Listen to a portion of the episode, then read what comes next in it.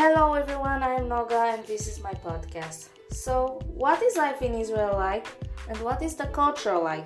Israel is a small country in the Middle East with 9 million citizens, majority of whom are Jewish. Jewish and the largest minority is Arabs. In here, the weather is warm most of the year and the people are relatively friendly and open. Israelis are mixed context people, with both low and high context elements in the society. More high context than low context, actually. It is a wealthy country with the and the standard of living is very high. And life is good, with free healthcare and education and public transport and more available to the people. As for the culture, Israel is a diverse country, so the current culture is actually a mixture of Jewish, Middle Eastern, Russian, and Western cultures and more.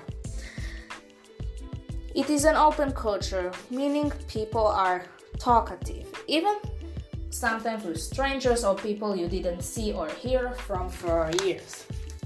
Also, Israelis are family centered people, both immediate and far relatives relatives and extended families meet multiple times a year, especially on holidays. Holidays and family has an important part of the culture.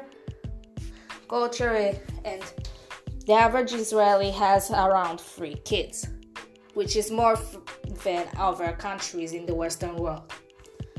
The world. So thank you for listening. Lehitraot and goodbye.